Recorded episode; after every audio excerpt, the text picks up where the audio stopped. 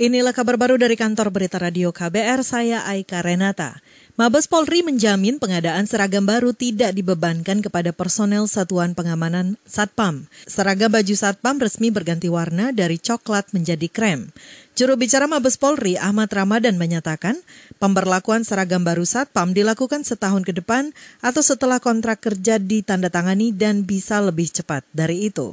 Nah, di dalam kontrak kerja tersebut, salah satunya diatur tentang pengadaan seragam satkam, yaitu diberikan dua setel untuk satu tahun. Jadi yang perlu saya sampaikan adalah pengadaan seragam satpam bukan oleh institusi Polri, tetapi diatur dalam kontrak kerja antara BUJP dan pengguna satpam itu sendiri. Dan yang paling penting ini bukan dibebankan terhadap anggota satpam. Juru bicara Mabes Polri Ahmad Ramadan mengklaim pergantian seragam satpam dilakukan sesuai masukan dan saran yang masuk ke kepolisian. Sebelumnya, seragam baru Satpam diperlihatkan saat HUT ke-41 Satpam di Mabes Polri Jakarta Rabu pekan ini. Seragam yang sebelumnya sempat menuai kontroversi karena mirip dengan polisi. Kita beralih, bekas Direktur Pemeriksaan dan Penagihan Ditjen Pajak Angin Praitno Aji hari ini difonis 9 tahun penjara. Mengutip antara, Angin terbukti menerima suap terkait rekayasa hasil penghitungan pajak.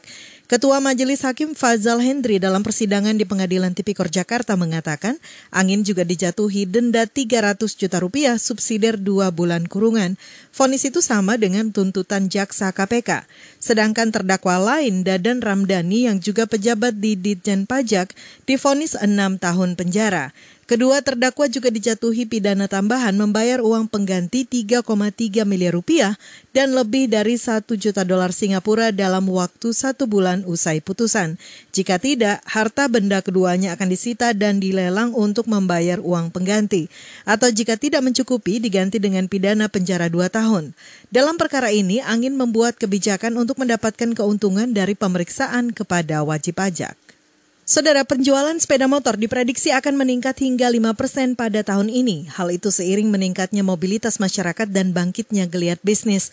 Perkiraan itu disampaikan Ketua Bidang Komersial Asosiasi Industri Sepeda Motor Indonesia IC, Sigit Kumala kepada KBR hari ini. Proyeksi kami sih berkisar 5,1 sampai 5,4 juta di tahun ini. Ya dengan sejumlah catatan bila mana pandemi ini bisa dikontrol oleh pemerintah dengan baik ya jangan sampai apa impactnya berdampak kepada ekonomi karena pemerintah sejauh ini di tahun lalu mampu mengendalikan level ppkm yang jauh lebih baik dibanding ke tahun 2020. Itu tadi Ketua Bidang Komersial IC, Sigit Kumala. Kita ke soal lain.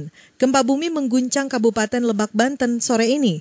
Badan Meteorologi, Klimatologi, dan Geofisika BMKG mencatat gempa berkekuatan magnitudo 5,5 pukul 17 lewat 10 waktu Indonesia Barat. Lokasi gempa berada di 71 km barat daya Bayah Lebak Banten dengan kedalaman 10 km. Gempa ini tidak berpotensi tsunami namun BMKG mengimbau masyarakat berhati-hati akan potensi gempa susulan. Sebelumnya gempa juga mengguncang Lebak Banten pada 14 Januari lalu. Saat itu gempa berkekuatan magnitudo 6,6. Demikian kabar baru dari kantor Berita Radio KBR, saya Aika Renata.